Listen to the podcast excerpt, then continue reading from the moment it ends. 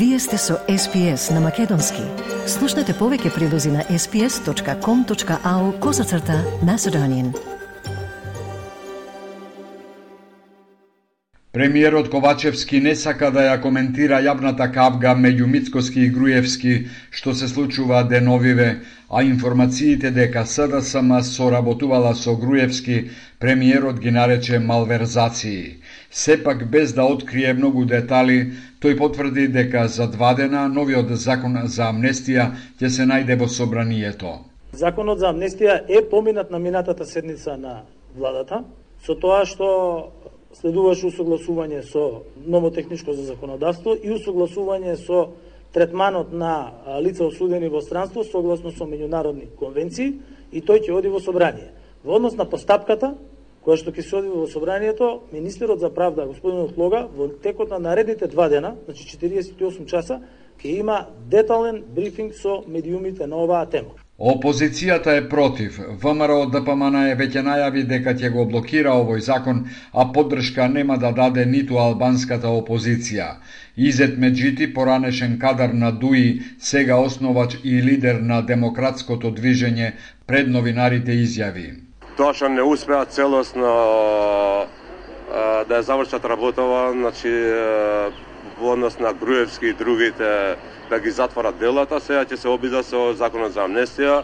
Значи ова не е во интерес на граѓаните, не е во интерес на процесиве или на ЕУ интеграции, а, туку напротив, значи сакат амнестија значи на криминалот што е направен во тоа време и сегашно време И ВМРО ДПМН е тврди дека и ова законско решение произлегува од договорот на Груевски со СДСМ и ДУИ, зашто тврди дека има објавено докази. Миле Левков на пресконференција рече. Јас верувам дека тоа кое што е кажано во медиумите вчера подпредседателот на ВМРО ДПМН и го докаже со фактички доказ.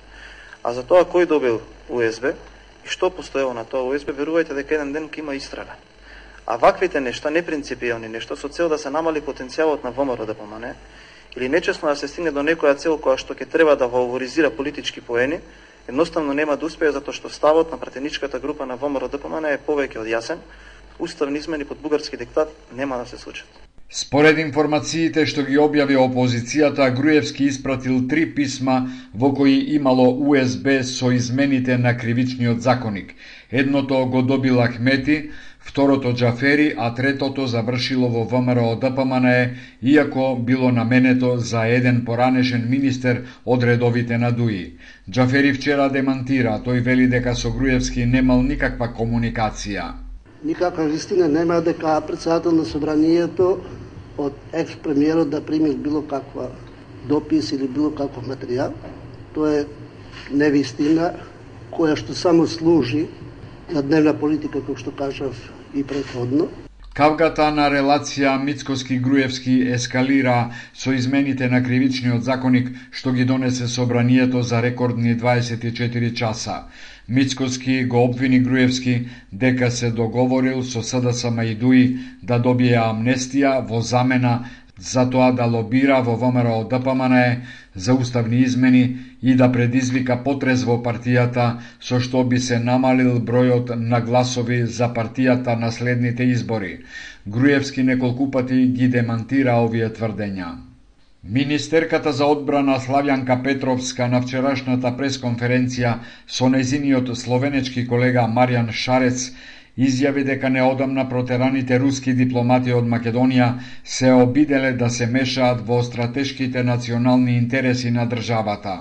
Станува збор за лица кои со дипломатски речни кажано работеле спротивно на дипломатските правила, меѓутоа очигледно е дека со правилата или согласно а, речникот на безбедносно разнаучките служби се обиделе или сакале да се вмешаат малку повеќе во тоа што пред малку го нареков стратешки национални интереси на нашата држава. Нашата стратешка цел е, цел е членство во НАТО и во Европската унија секој ден кој сака да го попречи тој пат на Република Северна Македонија, не можеме да го сметаме за пријател. Петровска и Шарец вчера подпишаа и нов договор за соработка во одбраната меѓу двете држави. Четири сексуални работнички го добија спорот со македонската држава пред судот за човековите права во Страсбур. Македонија треба да им исплати по 3300 евра. Судот заклучил дека тие доживеале нехуман и понижувачки третман додека биле уапсени и држени во полициска станица во акцијата на МВР во 2008 година. Тогаш беа приведени 23 сексуални работнички околу Ману и МТВ, а потоа тестирани за заразни заболувања на инфективната клиника. Наташа Бошкова, правничка и адвокат во невладината организација ХОП, за ТВ Сител изјави. Им, им го повредила правото на приватен живот со тоа што фотографии од нив додека престојувале во полициска станица биле објавени на веб страната на МВР без да бидат прикриен нивниот идентитет навредите кон нив во полициската станица Бит Пазар, во која биле држени без храна, лекови и тоалет, успеале да ги докажат по 15 години откако македонските судови не утврдиле такво нешто. Бошкова вели. За жал само четири од нив се беа мотивирани, доволно охрабрени до крај да ја изведат целата борба и еве, после толку години, 15 години од настанот, практично докажаа дека нивните права биле сериозно прекашени. Во тогашната акција на полицијата, освен сексуални работнички, беа уапсени и Макроа. МВР тврдеше дека дел од сексуалните работнички биле фатени на дело, но клиентите не беа приведени. Железничката линија Битола Скопје е во прекин неколку дена поради изгорени прагови од пожарите што гореа во саботата во Пелагонија. Изгорени се околу илјада железнички прагови. Никола Марков, помошник директор за сообраќај во ЈПМЖ инфраструктура, за тебе Сител вели дека ова е најголемата загуба на железнички прагови што некогаш се случила во Македонија од пожар. Тој вели дека се работи на санација на линијата за сообраќајот да се воспостави до крајот на неделава. Праговите се мислам не се обични праговите се импрегнирани прагови и скапи се точно не може да кажам колку прилика кошта. Штетата меѓу тоа, земајќи во предвид и застој на сообраќајот, патнички тврди тука имаме загуби и од превоз на патници и работа на силно што се ангажира, значи загубата е огромна. Изгорените прагови датираат уште од времето на Југославија.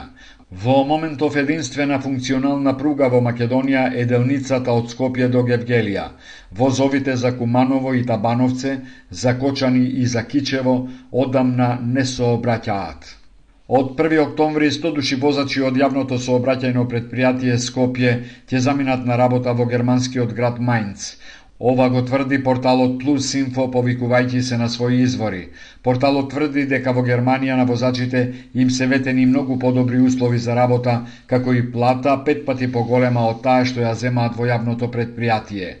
ЈСП на 19 овој месец на интернет објави оглас за вработување нови возачи во предпријатието.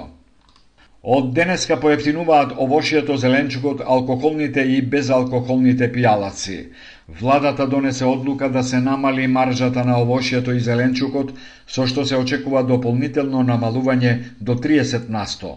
Пад на цените ќе следи и со намалување на некои увозни давачки, вели премиерот Ковачевски. Кога се работи за намалување на цените, исто така тоа може да биде направено во најкраток можен рок со одред на тоа дека сите маркети работат со дигитални алатки и со софтвери кои што тоа го овозможуваат. Гарантираните цени ќе се применуваат до 30 ноември. Со оваа мерка владата очекува да се заштити стандардот на граѓаните, а инфлацијата двојно да се намали до крајот на годинава. Сакате ли да чуете повеќе прилози како овој? Слушате подкаст преку Apple Podcasts, Google Podcasts, Spotify или од каде и да ги добивате вашите подкасти.